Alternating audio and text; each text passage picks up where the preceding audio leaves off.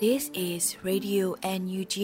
the voice of National Unity Government of Myanmar, broadcasting for Myanmar Spring Revolution. Radio NUG is transmitting from shortwave 16 meter 17.79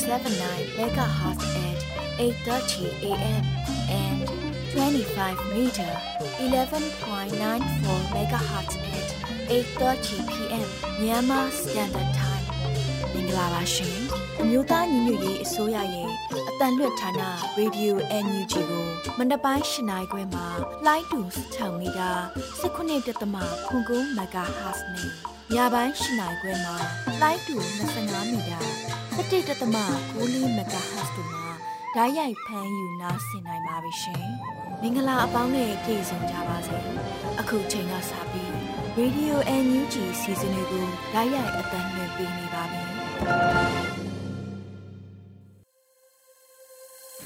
မင်္ဂလာမနက်ခင်ပါခင်ဗျာတောတာရှင်တွေနေကောင်းကြပါစေစစ်အာဏာရှင်ပျောက်ကြရေးတော်လိုင်းရေးခရီးလမ်းမှာ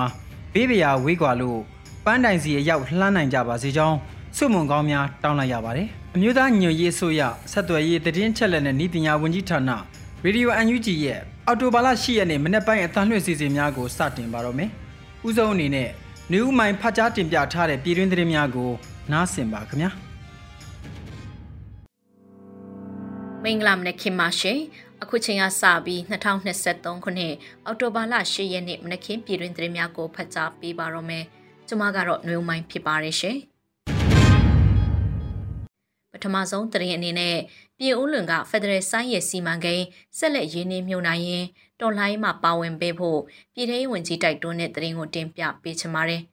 ပြည်ဦးလွင်ကဖက်ဒရယ်ဆိုင်းရည်စီမံကိန်းဆက်လက်ရင်းနှီးမြှုပ်နှံရင်းတော်လှန်ရေးမှာပါဝင်ပေးဖို့အောက်တိုဘာ9ရက်မှာပြည်ထောင်ဝင်ကြီးဦးလွန်ကိုလက်မှတ်တိုက်တွန်းဆိုလိုက်ပါတယ်။အားလုံးပေပန်းနေကြပြီဆိုပေမဲ့ရက်တန်လို့မရဘူးဆိုတာလဲဆုံးဖြတ်ထားကြပြီးသားဆိုတော့ရင်းနှီးမြှုပ်နှံရင်းဆက်ပြီးတော်လှန်ကြပါအောင်လို့ဝင်ကြီးမှဆိုထားပါတယ်။ Federal Spring Federal ဆိုင်းရည်စီမံကိန်းကိုပြင်ဦးလွန်မန္လေးလိုက်ရှိုလာမကြီးမြောက်ဖက်တက်မတော်နီးပညာတက္ကသိုလ်အနီးရှိအကျန်းဖက်စစ်တပ်ပိုင်းမြေကို ဥပဒေနဲ့အညီသိမ်းယူပြီးဧက300ခန့်အားစီးပွားရေးလုပ်ငန်းသုံးနဲ့လူနေအိမ်ယာမြေများဖော်ထုတ်မိစီမံကိန်းလည်းဖြစ်ပါတယ်။ Federal ဆိုင်ရဲ့စီမံကိန်းမြေကွက်များ၏မြေပိုင်ဆိုင်မှုအမျိုးအစားမှာ gram မြေဖြစ်ပြီးတော်လိုင်းကာလအတွင်းပေးသွင်းရန်သတ်မှတ်ထားသောငွေပမာဏရောင်းချတန်ဖိုး၏40ရခိုင်နှုန်းပေးသွင်းပြီးလင်ကနအုပ်ပိုင်ဆိုင်မှုအထောက်အထားဖြင့်အာမခံစာချုပ်ထုတ်ပေးမှလည်းဖြစ်ပါရဲ့ရှင်။ဆက်လက်ပြီး Federal ဆိုင်ရဲ့ Federal Spring Project မှရောင်းရငွေများကိုတော်လှန်ရေးလိုအပ်ချက်အတွက်လွှမ်းခြုံမျှဝေသုံးစွဲသွားမယ်လို့ဆိုတဲ့သတင်းကိုတင်ပြပါမယ်။ Federal ဆိုင်ရည် Federal Spring Project မှရောင်းရငွေများကိုတော်လှန်ရေးလိုအပ်ချက်အတွက်လွှမ်းခြုံမျှဝေသုံးစွဲသွားမယ်လို့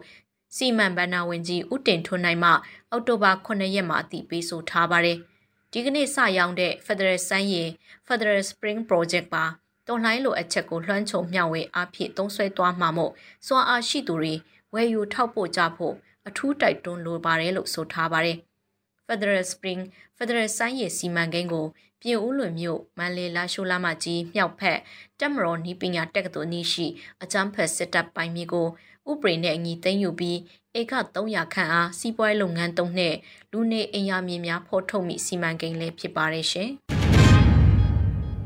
ဆက်လက်ပြီးတော်လှန်ကာလအတွင်းစစ်ပေးရှောင်များအတွက်ဘုံခိုခြင်း1296ကျင်းတူးဖော်ပေးနိုင်ခဲ့တဲ့သတင်းကိုတင်ပြပါမယ်။တော်လှန်ကာလအတွင်းစစ်ပေးရှောင်များအတွက်ဘုံခိုခြင်း1296ကျင်းတူးဖော်ပေးနိုင်ခဲ့လို့အမျိုးသားညီညွတ်ရေးအစိုးရလူသားချင်းစာနာထောက်ထားရေးနဲ့ဘေးနယ်ဆိုင်ရာစီမံခန့်ခွဲဝင်ကြီးဌာနကဆိုပါတယ်။အောက်တိုဘာလ6ရက်နေ့တွင် ဗီဒီယိုကွန်ဖရင့်မှတဆင့်ကျင်းပခဲ့သည့်ပြည်ထောင်စုလွှတ်တော်ကိုစားပြုကော်မတီပုံမှန်လုပ်ငန်းညှိနှိုင်းအစည်းအဝေး40မြင်းဆောင်2023တွင်အမျိုးသားညီညွတ်ရေးအစိုးရလူသားချင်းစာနာထောက်ထားရေးနဲ့ဘီယနယ်ဆိုင်ရာစီမံခန့်ခွဲဝင်ကြီးဌာနပြည်ထောင်စုဝန်ကြီးဒေါက်တာဝင်းမြတ်အေးကပြောကြားခဲ့တာဖြစ်ပါတယ်။စက်တင်ဘာလတွင်ဆောင်ရွက်ခဲ့သည့်လုပ်ငန်းများနေဖြင့်စစ်ပေးရှောင်ပြည်သူများနဲ့ထိခိုက်လွယ်အုပ်စုများ တသိန်း3326ဦးနဲ့အိမ်ထောင်စု813စုအတွက်လူသားစာနာအကူအညီငွေကျပ်323တန်းကျော်ပေးအပ်ခြင်းပြပုံကြားကမြန်မာပြည်သူစာနာမှုနဲ့ဝိုင်းလုတ်ကူခေါင်းစဉ်ဖြင့် advocacy paper တစောင်ထွက်ရှိနိုင်ရေးဆောင်ရွက်ခြင်းစိတ်လိုမှုကကွေစောင့်ရှောက်ရေးလုပ်ငန်းများလူသားစာနာတာဝန်ခံများအတွက်စွမ်းဆောင်ရည်မြင့်တင်နန်းများစစ်အာဏာရှင်စနစ်ဖီဆိုင်ရေးလှုပ်ရှားမှုတွင်ပါဝင်ကြသည့်ပြည်သူဝန်ထမ်းများအတွက် စိတ်ပိုင်းဆိုင်ရာနှစ်သိမ့်ဆွေးနွေးမှုအစီအစဉ်များဆောင်ရွက်ပေးခြင်းတို့လှုံ့ဆော်ပေးခဲ့လို့ဆိုပါတယ်။ဒါ့အပြင်တော်လှန်ကာလအတွင်းစကိုင်းတိုင်းဒေသကြီးမကွေးတိုင်းဒေသကြီးပဲခူးတိုင်းဒေသကြီးမန္တလေးတိုင်းဒေသကြီးနဲ့တနင်္သာရီဒေသတို့ရှိစစ်ပေးရှောင်များအတွက်ဘုံခိုခြင်း1296ကျင်းတူဖို့ပေးနိုင်ခဲ့ပြီးထက်မှန်လိုအပ်ချက်များအား သုံးသက်တင်ပြခြင်းနဲ့ရှေ့ဆက်လှုပ်ဆောင်မိလုပ်ငန်းများအားရှင်းလင်းပြောကြားခဲ့ပါတယ်။အစည်းအဝေးသို့ပြည်ထောင်စုလွှတ်တော်ကိုစားပြုကော်မတီဥက္ကဋ္ဌနဲ့အဖွဲ့ဝင်များရေးရောက်ကော်မတီများမှဥက္ကဋ္ဌများနဲ့အတွင်းရေးမှူးများလူသားချင်းစာနာထောက်ထားရေးနဲ့ဘေးနေဆိုင်ရာစီမံခန့်ခွဲဝင်ကြီးဌာနပြည်ထောင်စုဝင်ကြီးနဲ့တာဝန်ရှိသူများတက်ရောက်ခဲ့ကြပါတယ်ရှင်။ NUG MOE အခြေခံပညာနဲ့ကြားကာလအခြေခံပညာဆရာအတက်ပညာဖွံ့ဖြိုးတိုးတက်ရေးကော်မတီရန်ကုန်တို့တွဲဆုံဆွေးနွေးပွဲပညာရေးဒုဝန်ကြီးတက်ရောက်တဲ့တဲ့ရင်ကိုဆက်လက်တင်ပြပါမယ်။အောက်တိုဘာ6ရက်နေ့တွင် NUG MOE အခြေခံပညာနဲ့ကြားကာလအခြေခံပညာဆရာအတက်ပညာဖွံ့ဖြိုးတိုးတက်ရေးကော်မတီရန်ကုန်တို့တွဲဆုံပွဲကျင်းပခဲ့ပြီး အဆိုပါတွေ့ဆုံပွဲသို့ပညာရေးဝန်ကြီးဌာနမှဒုဝန်ကြီးကြားထွေပန်နဲ့အခြေခံပညာတာဝန်ရှိသူများတက်ရောက်ခဲ့ကြပြီးရန်ကုန်မြို့နယ်ပညာရေးဘုတ်အဖွဲ့များတက်ရောက်ခဲ့ကြပါတယ်။ကြားကာလအခြေခံပညာဆရာအတက်ပညာဖွံ့ဖြိုးတိုးတက်ရေးကော်မတီရန်ကုန်မှကော်မတီ၏ TOR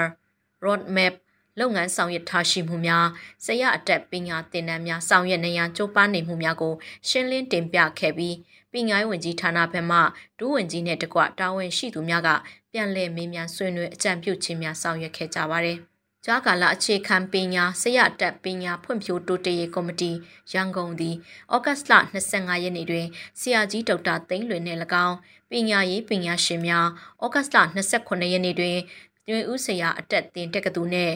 ပညာရေးဒီဂရီကောလိပ်များမှတာဝန်ရှိသူဆရာကြီးဆရာမကြီးများနဲ့၎င်းဩဂတ်လ31ရက်နေ့တွင် CPD team အခြေခံပညာနှင့်၎င်းစက်တင်ဘာ2ရက်နေ့တွင်ဆရာသိန်းနိုင်မောက္ခပညာရေးနဲ့၎င်းတွေ့ဆုံ၍လိုင်းညွတ်အကြံပြုချက်များကိုခံယူခဲ့ပြီးဖြစ်တယ်လို့သိရပါတယ်ရှင်။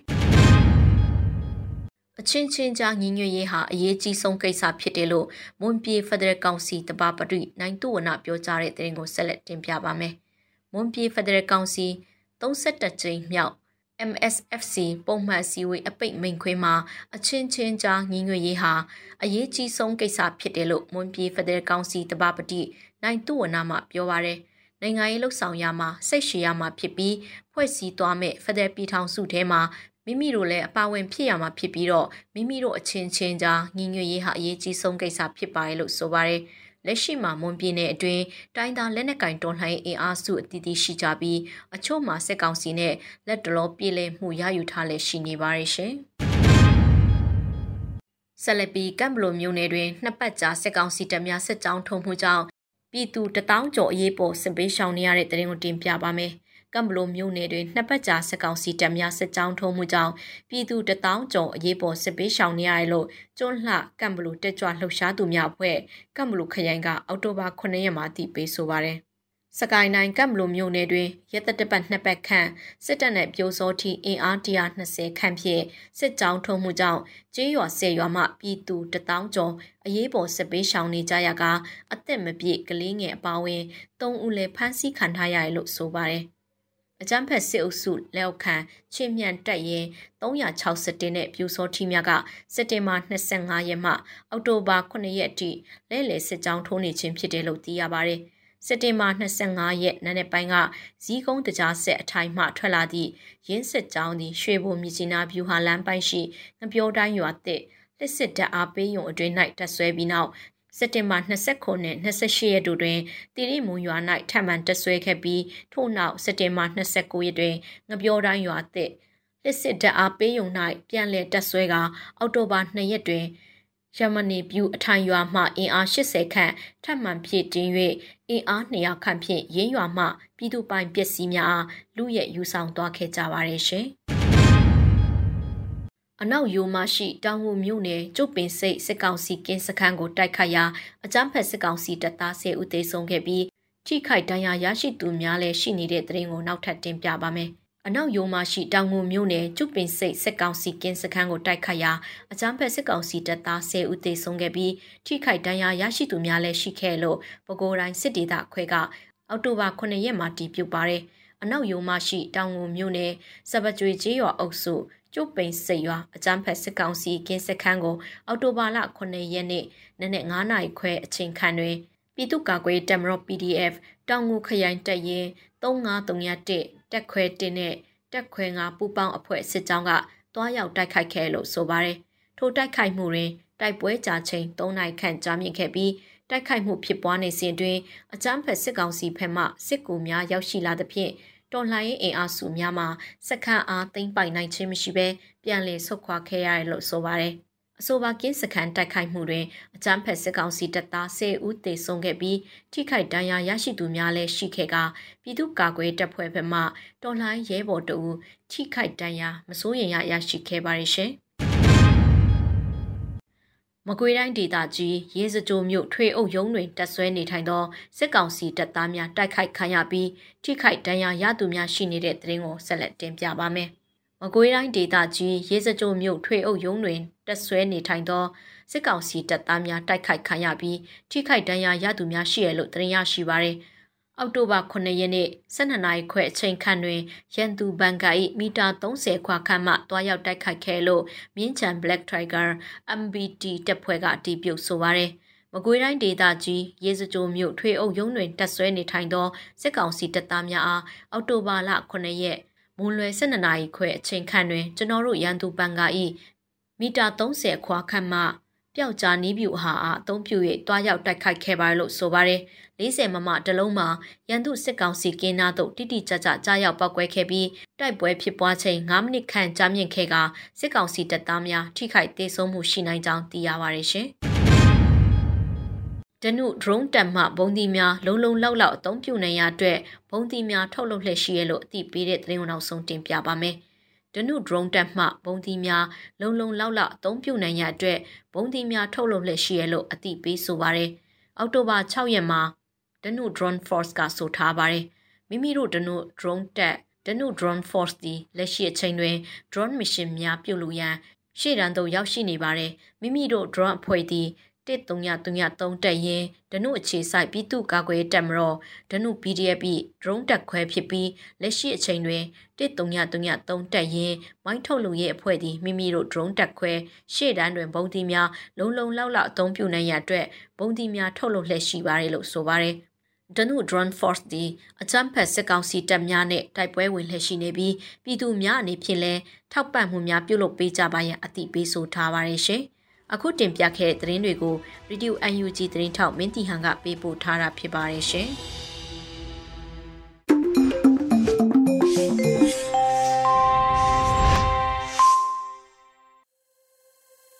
ပြည်တွင်းသတင်းများကိုနှွေဦးမိုင်ကဖတ်ကြားတင်ပြခဲ့တာဖြစ်ပါတယ်။အခုတစ်ခါမှာတော့မပုတ်ဖြစ်တဲ့ message တစ်စောင်းတို့အမိရတဲ့တော်လိုင်းကြီးကြပြာကို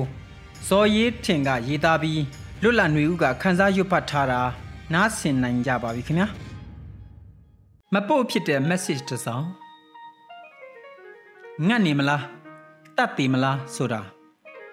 ငါတို့ခေတ်ရဲ့မိကွန်းမိကွန်းတတ်တယ်ဆိုတာဒီခေတ်ရဲ့အခြေအနေငါတို့မိကွန်းကြားမှာညှက်နေပြီကူပါကဲပါထထအော်ကြည့်ပါလားပဲ့တင်တန်လားအတန်စစ်လားပြန်ကြားနေရတောင်မင်းမြောက်မင်းမကယ်နိုင်လဲကျသွားတာဖိုးသူတော်ရောတောင်ဝေးရော ဥကောင်းသုံးလုံးရှိသူကို မေးပါများစကားရကြည့်တော့တနေ့တလန်ဆိုပေမဲ့လမ်းမှန်ဖို့လိုတယ်လို့ဆိုပြန်တယ်။တနေ့ပစိုးသုံးကလဲဆိုတာခါဖို့ပစိုးကိုခဏခဏပြင်ဝတ်စေတာများလားငါးပါးတီလာဈေးဆိုင်ဟာအိမ်နောက်ဖေးတင်မကတချံလုံးတဲလဲမရချင်းပေါင်တွေဘွန်ဆိုင်ဖြစ်ကြဖျားပန်းဆိုင်ကဲအရင်လိုအယောင်းမတွက်ဘူးဆိုလားအရှင်ဖျား ဤဝေနေရများအားနားလည်ဖြည့်ဆည်းတော်မူပါ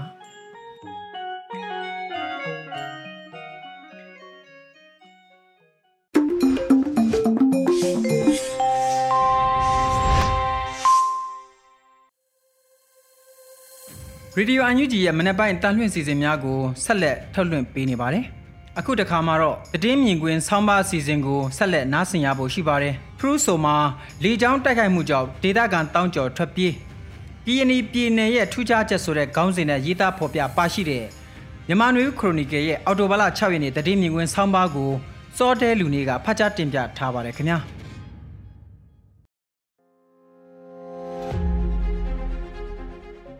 မင်္ဂလာပါခင်ဗျာဖရူဆိုမှာလေကြောင်းတိုက်ခိုက်မှုကြောင့်ဒေသခံတောင်းကျော်ထွက်ပြေး KNY ပြည်နယ်ရဲ့ထူးခြားချက်အမည်ရတဲ့မြမနွေဦးခရိုနီကယ်အော်တိုဘာ6မြင်တွင်မိုးမခဆောင်းပါးကိုစတင်ဖတ်ကြားပေးပါတော့မယ်။ ကရင်ပြည်နယ်ဖရူဆိုမြို့နယ်ရှေ့ဘက်ခြမ်းကကျေးရွာတချို့မှာစစ်ကောင်စီကလေကြောင်းတိုက်ခိုက်တာကြောင့်ကျေးရွာ6ရွာကဒေသခံတောင်းကျော်နေအိမ်တွေကနေထွက်ပြေးနေရတယ်လို့ RFA မြန်မာဌာနရဲ့သတင်းနဲ့ဖော်ပြထားတာတွေ့ရပါတယ်။ကရင်ပြည်နယ်ကဒေသအများပြားကိုကရင်တပ်မတော်လို့ခေါ်ဆိုကြတယ်။ကရင်တော်လှန်ရေးလက်နက်ကိုင်အဖွဲ့တွေကထိန်းချုပ်ထားကြပြီးစစ်ကောင်စီတပ်တွေကမြို့တွေတပ်ရင်းခြေဆိုင်စခန်းတွေတက်လေချင်းရေးတင်တန်းကျောင်းတွေလိုနေရာတွေမှာအခြေစိုက်ထားပြီးခြေကုပ်ယူထားကြစေအနေထားလို့လည်းနားလည်ရပါတယ်။ နေမြေနေထားရာဒေသအများပြားကိုတော့ကရင်နီတပ်မတော်ကထိန်းချုပ်ထားတဲ့အနေအထားဖြစ်ပြီးစစ်ကောင်စီတပ်ကကရင်နီပြည်နယ်ကိုလက်လွတ်ဆုံးရှုံးမသွားရအောင်မြို့တွေတပ်ရင်းခြေစိုက်ရာနေရာတွေကိုစူးစမ်းထိန်းသိမ်းကြရတဲ့အနေအထားလို့ယူဆရတာဖြစ်ပါတယ်။ကရင်နီဒေသဟာလူဦးရေအပြင်ရောနေမြေကျယ်ဝန်းရပါအနေပါဆုံးနဲ့အချင်းဆုံးတွေကပြည်နယ်တစ်ခုဖြစ်ပြီးစစ်အာဏာသိမ်းပြီးနောက်လက်နက်ကင်တိုက်ခိုက်မှုတွေအပြင်းထန်ဆုံးဒေသတစ်ခုလည်းဖြစ်ပါတယ်။ ဆယ်စုနှစ်များစွာတည်းကတည်ရှိခဲ့တဲ့တိုင်းဒေသလက်နက်ကိုင်အဖွဲ့ဖြစ်တဲ့ KNPP လို့အဖွဲ့နဲ့စစ်အာဏာသိမ်းပြီးနောက်ပေါ်ပေါက်လာတဲ့ KNDF လို့လက်နက်ကိုင်အဖွဲ့တို့ကြားပူးပေါင်းဆောင်ရွက်မှုတွေကမြန်မာနိုင်ငံရဲ့အကျိုးသောဒေသတွေနဲ့မတူခြားနာတာဖြစ်ပါတယ်။ KNY ပြည်နယ်ရဲ့လက်နက်ကင်လှုပ်ရှားမှုနဲ့နိုင်ငံရေးအရာစူးစီးထားမှုကိုအခြားသောဒေသတွေကအားကျကြရတဲ့အနေအထားလည်းဖြစ်ပါတယ်။ ကရင်ပြည်နယ်ရဲ့စူးစီးမှုအနေအထားကိုလက်နက်ကိုင်အင်အားစုတွေကြားနိုင်ငံရေးအင်အားစုတွေကြားအတူယူအားကြကြတာဖြစ်ပြီးကရင်ပြည်နယ်ရဲ့ထူးခြားချက်ကလူမျိုးစုတစုတည်းစူးစီးနေထိုင်မှုနေရာဒေသအဖြစ်မကျယ်ပြန့်ပဲစူးစီးနေတဲ့အနေအထားတွေဖြစ်တာကြောင့်လဲအခုလိုစစ်ရေးအရာနိုင်ငံရေးအရာစူးစီးဖို့လွယ်ကူစေတာဖြစ်ကောင်းဖြစ်နိုင်ပါတယ်ကရင်ပြည်နယ်လိုစစ်ရေးနိုင်ငံရေးအရာစူးစီးမှုမရနိုင်သေးတဲ့ဒေသတွေမှာသကိုင်းတိုင်းမကွေးတိုင်းမြောက်ပိုင်းချင်းပြည်နယ်စတဲ့ဒေသတွေဖြစ်ကြပါတယ်။ လက်နက်ကင်လှုပ်ရှားမှုအပြင်အရှိန်ကောင်းပေမဲ့စူးစီးမှုအပြင်လိုအပ်ချက်တွေရှိနေသေးလည်းဖြစ်ပါတယ်။စစ်ရေးစူးစီးမှုအတွက်အခြေခံကနိုင်ငံရေးစူးစီးမှုကအခြေခံလိုအပ်ချက်လည်းဖြစ်ကောင်းဖြစ်မယ်လို့ယူဆရပါတယ်။နိုင်ငံရေးစူးစီးမှုအခြေခံပေါ်မှာစစ်ရေးအပြင်စူးစီးမှုခုခံမှုနဲ့စစ်ကောင်စီတပ်တွေရဲ့စိုးမိုးမှုဒေသတွေကိုနေရာဝင်ယူနိုင်မှုတွေကိုတိစောက်နေရမယ်အနေအထားလည်းဖြစ်ကောင်းဖြစ်နိုင်ပါတယ်။ ဒီနေ့ပုံခြားသောသတင်းအကြောင်းအရာတစ်ခုကတော့အော်တိုဘာလ၄ရက်နေ့က KNU တပ်မဟာ6နယ်မြေတဲကဒူပလာယာခရိုင်မှာစစ်ကောင်စီတပ်တွေကလေကြောင်းတိုက်ခိုက်မှုတွေလှုပ်ဆောင်ခဲ့တယ်လို့သတင်းတွေမှာပါရှိပါတယ်။ဒူပလာယာခရိုင်နိုတကောမြို့နယ်တဲကစစ်ကောင်စီရဲ့အထိုင်စခန်းတွေဖြစ်တဲ့ကွီးလုံတိုင်းတပ်စခန်းကိုအရှိတောင်တိုင်းစစ်ဌာနချုပ်ကတပ်အင်အားလက်နက်ခဲယမ်းနဲ့ရိတ်ခါတွေလာရောက်ပို့ဆောင်စေမှာကြိုတင်လမ်းရှင်းတဲ့အနေနဲ့စစ်ကောင်စီဘက်ကပေါင်900ဘုံးတွေနဲ့ကျဲချခဲ့တာလို့သတင်းတွေလည်းဆိုပါတယ်။ လေကြောင်းတိုက်ခိုက်မှုမှာခရစ်ယာန်ဖျားเจ้าတကြောင်ကိုပြစ်မှတ်ထားပစ်ခတ်ခဲ့ပြီးလူသိဆုံးမှုတော့မရှိဘူးလို့သတင်းတွေမှာဖော်ပြထားတာဖြစ်ပါတယ်။မကြသေးခင်ရက်ပိုင်းက KNU ဥက္ကဋ္ဌဟောင်းစောမူတူစေဖို့ဒူပလာယာခရိုင်ဥက္ကဋ္ဌဖြစ်သူဘဒိုစောရွှေမောင်နဲ့ KNU ကာကွယ်ရေးဌာနမှူးဟောင်းတို့နေပြည်တော်မှာစစ်ကောင်စီဥက္ကဋ္ဌနဲ့တာရောက်တွေ့ဆုံခဲ့ပြီးအောက်တိုဘာလ15ရက်နေ့မှာကြာရောက်မယ် NCA နှစ်ပတ်လည်အခမ်းအနားမတိုင်ခင်စစ်ကောင်စီရဲ့တိုင်းသားလက်နက်ကိုင်တပ်ဖွဲ့တွေကိုငြိမ်းချမ်းရေးဆွေးနွေးမှုအတွက်ကြိုးပမ်းတဲ့လှုပ်ဆောင်မှုတစ်ခုလို့ယူဆကြရတာဖြစ်ပါတယ်။ အဲဒီလိုအခြေအနေမျိုးမှာပဲအခုလိုတိုင်းသားလက်နက်ကင်ဒေသတွေကိုလေကြောင်းကနေပုံကျဲတိုက်ခိုက်မှုတွေလှုပ်ဆောင်နေတာပဲဖြစ်ပါတယ်။စစ်ကောင်စီရဲ့ရှေးနောက်မညီတဲ့လှုပ်ဆောင်မှုတခုစစ်ကောင်စီအနေနဲ့စစ်ရေးအရစစ်မျက်နှာများစွာကိုတပြိုင်တည်းဖွင့်ထားရစဉ်မှာအချို့သောတိုင်းသားလက်နက်ကင်တပ်ဖွဲ့တွေကိုစစ်မျက်နှာတွေကနိပရိရဲ့အရာရှော့ချဖို့ကြိုးစားမှုတရက်ဖြစ်တာရှုမြင်နိုင်ခဲ့ပြီးတစ်ဖက်မှာလည်းရိုးသားမှုမရှိတာကိုအခုလိုတိုက်ခိုက်မှုတွေကပေါ်လွင်ထင်ရှားစေတာဖြစ်ပါတယ်ခင်ဗျာ။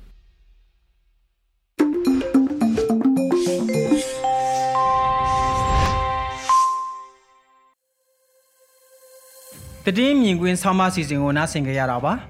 အခုတခါဆက်လက်နားဆင်ရမှာကတော့ PPTV ရဲ့နေ့စဉ်သတင်းများဖြစ်ပါတယ် Rain ကဖတ်ကြားတင်ပြပါမယ်ခင်ဗျ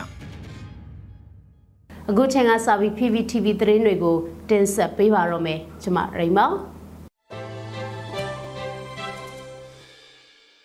ပထမဆုံးတင်ဆက်ပေးမှာကအမျိုးသမီးလူငယ်နဲ့ကလေးသူငယ်ရေးရာဝန်ကြီးဌာနကထိချမြို့နယ်နဲ့ပင်လယ်ဘူးမြို့နယ်အတွင်းမှာ ကိုဝင်ဆောင်မိခင်တွေနဲ့ကလေးငယ်တွေအတွက်လိုအပ်တာတွေပံ့ပိုးကူညီပေးခဲ့တယ်ဆိုတဲ့သတင်းကိုတင်ဆက်ပေးပါမယ်။အမျိုးသားညွရေးအစိုးရအမျိုးသမီးလူငယ်နဲ့ကလေးသူငယ်ရေးရာဝန်ကြီးဌာနကသကိုင်းတိုင်းထိချိုင်မြို့နယ်နဲ့ပင်လယ်ဘူးမြို့နယ်အတွင်းမှာကိုယ်ဝယ်ဆောင်မိခင်တွေနဲ့ကလေးငယ်တွေအတွက်လိုအပ်တာတွေပံ့ပိုးကူညီမှုတွေလုပ်ခဲ့တယ်လို့ထိချိုင်မြို့နယ်ရဲ့ MOWYCA တာဝန်ခံကသတင်းထုတ်ပြန်ထားပါတယ်။ အဲလိုထောက်ပံ့ကူညီမှုတွေကိုအောက်တိုဘာ၄ရက်မှာပြုလုပ်ခဲ့တဲ့ဆိုတာနဲ့ထိချိုင်မြို့နယ်နဲ့ပင်လယ်ဘူးမြို့နယ်အတွင်းကစစ်ပေးရှောင်ကိုဝင်ဆောင်များမတန်ဆွမ်းများနဲ့နှစ်နှစ်အောက်ကလေးငယ်များအားမြို့နယ်လူသားစာနာတာဝန်ခံတဲ့အမျိုးသမီးလူငယ်နဲ့ကလေးသူငယ်တာဝန်ခံတို့ကမြေပြင်ကွင်းဆင်းပြီးတော့လိုအပ်တာတွေပံ့ပိုးကူညီပေးခဲ့တာပါ။ ဒါပြင်မြို့နယ်အတွင်းကကျေးရွာတွေကိုမြေပြင်ကွင်းဆင်းဆောင်ရွက်စဉ်အတွင်းဒေသခံပြည်သူများနဲ့တွေ့ဆုံကမိုင်းအန်ဒီရဲ့ကင်းရှင်းရေးအသိပညာပေးစာဆောင်များဖြန့်ဝေခြင်းကျောင်းသားများကိုစာရေးကိရိယာများပေးအပ်ခြင်းစစ်ကြောင်းထိုးစဉ်အတွင်းဆောင်ရန်ရှောင်ရန်များနဲ့ပတ်သက်ပြီးအသိပေးပညာဟောပြောမှုတွေပြုလုပ်ခဲ့ကြပါတယ်။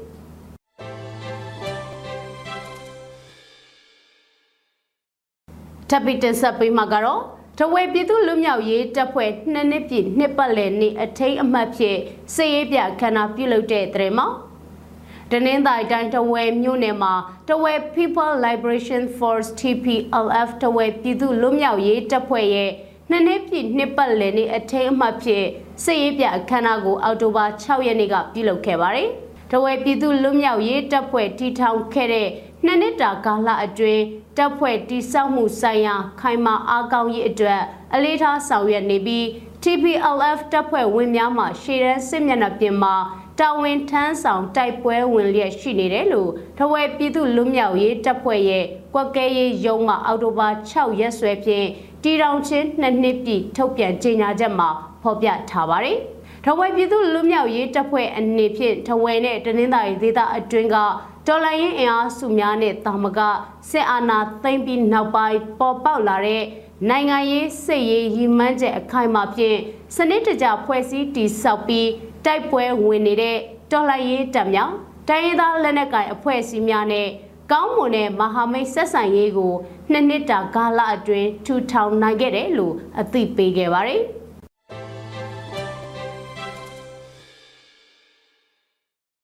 အခုတော့မတူပီတိုက်ပွဲမှာအကြမ်းဖက်စစ်တပ်က2ဦးသေတယ်လို့ CDF အသိပေးလိုက်တဲ့သတင်းကိုတင်ဆက်ပေးကြပါမယ်။ချင်းပြည်နယ်မတူပီဟာခလမ်မှာမနေ့ကတိုက်ပွဲဖြစ်ပွားခဲ့ပြီးအကြမ်းဖက်စစ်တပ်ဘက်ကတေဆုံးမှုရှိခဲ့တယ်လို့ချင်းကာကွယ်ရေးတပ် CDF မတူပီကသတင်းထုတ်ပြန်ပါတယ်။အော်တိုဘာလ6ရက်နေ့လယ်12နာရီမှာမတူပီဟာခလမ်မှာပေါ်ရှိခရိုင်ရုံးနဲ့ငလိုင်ကျေးရွာအကြားမှာထိတွေ့တိုက်ပွဲဖြစ်ခဲ့တယ်လို့ဆိုပါတယ်။ အင်အား80လောက်ရှိတဲ့အကြမ်းဖက်စစ်တပ်ကခရိုင်ရုံးကနေလက်နက်ကြီးတောက်လျှောက်ပစ်ခတ်လာပြီး CDF မတူပီနဲ့အပြန်အလှန်ပစ်ခတ်မှုတွေဖြစ်ခဲ့ကြောင်းဖော်ပြထားပါတယ်။အဲ့ဒီတိုက်ပွဲအတွင်းအကြမ်းဖက်စစ်တပ်က2ဦးသေဆုံးက CDF မတူပီရဲဘော်တွေထိခိုက်မှုမရှိဘဲကောင်းမွန်စွာခုခံနိုင်ခဲ့ကြောင်းထုတ်ပြန်ပါတယ်။အချိန်မရွေးတိုက်ပွဲတွေဆက်ဖြစ်နိုင်တာကြောင့် ပြည်သူတွေအနေနဲ့မတူပီဟာခလမ်းပိုင်းတွေကိုတောထွက်ခြင်းသွာလာခြင်းများမပြုလုပ်ကြဖို့လည်းအသိပေးထားပါတယ်။ပြီးခဲ့တဲ့စက်တင်ဘာလဆန်းကလည်း CDF မတူပီကအကြမ်းဖက်စစ်တပ်ရဲ့ခလာရ334တပ်စခန်းကိတ်ကိုဝင်ရောက်ပစ်ခတ်ခဲ့ရာအကြမ်းဖက်စစ်သား3ဦးဒဏ်ရာရခဲ့ပါတယ်။။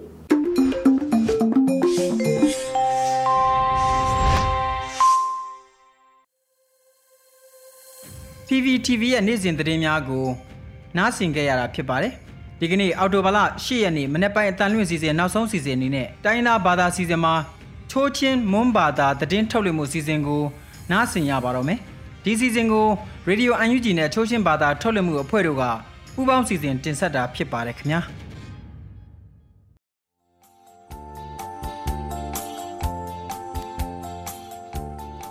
ဖွေးနောက်တူနဘရိုင်နော် အတုံဝခုကုမ်ဖရမ်ကူလမ်ဂူလိကထုမ်အော်တိုဘာမွိချာခရင်ဟမ် ngthuri minga bakhani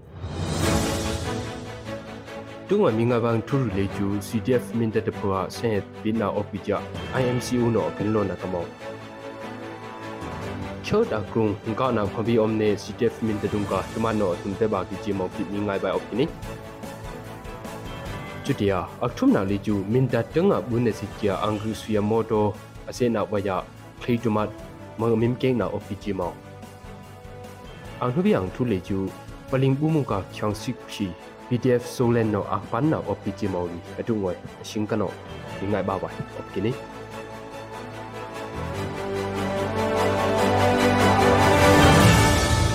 International Minda Q Organization IMGO Heal the War CE Norway ang bu thumno CDF Minda de pha sehet khenglung ri bina opiji apren lokini sehet phikip khenglung tombo la phamgu khenglung im phalam ku chu khogum phram kulam gulik thum September phukha ang hudanga CDF Minda dam bina opiji IMGO no pitkini ashir mu ya mi bil thobaya khogum phram kulam guliri jom bu khyang kano tu ne mi pong phi kya kini ashina bin na wai pholi chu IMCU no adum pang a kini heal the wala si no we no dollar tup thum la pham ha ki ndo ne ni pi tu na op ki ji phi IMCU tung kano prit kini poi ba kya project ngui ryung kano se he sha la khenglung phyak thum ki beta dum ba ki lok khaya khinu be ba na op kha ji phi prit kini min ta dang bribriga september phukya khod akrung angri sila se ko ra kam bum riang la kung ngka na pha da dum de ba gi chia ctf min ta no pen lok ni ngka na pha le chu min ta ma ro akrung la khyo khula ma ku ning la kung ngka a je phi prit kini ajuna ka na kung le chu angri si dong ka khyang suk pli si ne akdum no lim gi ji phi prit kini chutia september phu kya shalik thum min ta hi ya dang min ka na kung le chu ctf min ta dung ka tum han no hnum pe ni tumat alim na op gi ji phi prit kini မင်တတုံလေကျူစက်တမ်ဘာဖူ ချာကရောအင်္ဂရိစီနိုခုတ်ချာပန်ချာဆခရုကိပလောလနေအဂျနုံကဖကိဘငဝအမ်ထောဘာနာဖာအော့ပကီဂျီပီမနာအော့ကိနီဘဘရီကစက်တမ်ဘာဖူချာမကုလိကူအန်ဒတုံငါခလာယာဖြာရီလာခရိကိပလိခီနောကခေငလုံနောဝဲစီအမ်ဟောချာဆုံရီအလင်နာဖီအော့ကိနီမကွေခုပခုကုအော့ကီယာအင်္ဂရိစီအဒမဖြာလာအဒုံကနောဟိကြဒံမင်တမဒူပီတငါ bune lokia angrisya moto triki beta dum dubagi amise na waya pakhokula pau aning lagung opkia thaitumat ptf rino amim keng na opkini ajuna khaile jum bribriga september phukyak thumgibla october phukyak thumhum hi bia mim kek gp ptf ri tang kan operate kwini khyasang phyak thumlong lo lokia angrisya moto krikip leju september phukya mkulik khridum kan otune pukhokung kan ang di lo phikyak ni adubwe khru အော်တိုဘာမှုချအောင်တော့တန်ခလေကျူ ပေါမန်းရောအကရုံအမှုနဲ့မကွေခုံအော့က PDF ရီယွန်အမင်ကနာဖီအမ်ရရကင်းအင်္ဂရိစီလေကျူပကကူပေါကြောက်ထုမင်တမော်ဒလာမှုအောက်တုံးပြေဆုံနဲ့ချိုခိုဒငါဆဲခေငလုံရီလာချောင်ရီအမ်ကောနာအော့ကင်းခေါကုံဖရမ်ကူလမ်ကူလေရီမင်းနှုတ်ချာကရုံဖီမင်တလမတူပီယာအင်္ဂရိစီနောဆဲခေငလုံရီလာချောင်အမ်ကောနာဝယအပေါင်လိုဖွာအတုဝေမင်ကေကခေတူမာချွမ်ပီအမင်ကေနာမန်အော့ကင်း khokho siptong titim khong op kia angrisi akanga palingbum khyangsupi bdf zolen no autobam hukha angdo tanga apana opijia hukha aring hu pritkini ngami khyangsupi le ju didim la ri motolap khanu amik panjia bdf zolen no pritkini chutia ngami phli le ju mrum tham shiri amisung na opki gp bdf zolenunga angwai tuma no prenju khonum tum burmisung amrung na opkini atubei bdf zolen no apana ပလင်ဘူး မူကချောင်ဆုဖလီလေကျူငရှိချာနာရီဘီူနေအယမကြီးဝိုင်လေကျူကမ္ဟဖာနေခဂုံဖရမ်ဂူလမ်ဂူလက်ထုမ်အောက်ကစမ်ဒူဘီချာကရုံချွမ်ပီမောင်ရောဦးနာဂုံကအန်ဘယာမော်တော်တူမတ်လေကျူ PDF ဆိုလန်ဒန်ကနောအလောင်းနာထောက်အော့ကီဂျီမောနင်းအမ်သင်ဒရီနေအတုငွယ်ငထုမင်းငါလေကျူအရှင်ဘုံကြခါနေမြန်မာခုကရုံလာချိုခုံနေမပြချိုဇက်ချောင်းနွေဝန်အယုတီစီနာအအိုင်နာရီအော်ယိုမိုက်နေနိုင်ဘုံခွနမကျင်းနုံစကြရှင်ကနောပန်တနီလူပါဖိနာဝန်ရိုင်းနေအောင်ပါဒီ ကနေ့ကတော့ဒီညနေပဲ Radio NUG ရဲ့အစီအစဉ်လေးကိုခေတ္တရ延လိုက်ပါမယ်ရှင်မြန်မာစံတော်ချိန်မနေ့၈နိုင်ခွဲနဲ့ည၈နိုင်ခွဲအချိန်တွေမှာပြောင်းလဲဆိုပြကြပါလို့ရှင် Radio NUG ကိုမနေ့ပိုင်း၈နိုင်ခွဲမှာလိုင်းတူ16မီတာ19.7ခု9 MHz နဲ့ညပိုင်း၈နိုင်ခွဲမှာလိုင်းတူ25မီတာ17.6 MHz တို့မှာဓာတ်ရိုက်ဖမ်းယူ နာဆင်နိုင်ပါပြီရှင်။မြန်မာနိုင်ငံသူနိုင်ငံသားများကိုစိတ်နှဖျားစမ်းမချမ်းသာလို့ဘေးကင်းလုံခြုံကြပါစေလို့ရေဒီယို NUG ရဲ့ဖွဲ့သူဖွဲ့သားများကဆုတောင်းလိုက်ရပါတယ်။ San Francisco Bay Area အခြေဆိုင်မြန်မာမိသားစုများနိုင်ငံတကာကစေတနာရှင်များလို့အားပေးကြရဲ့ Radio NUG ဖြစ်ပါတယ်ရှင်။အရေးတော်ပုံအောင်ရမည်။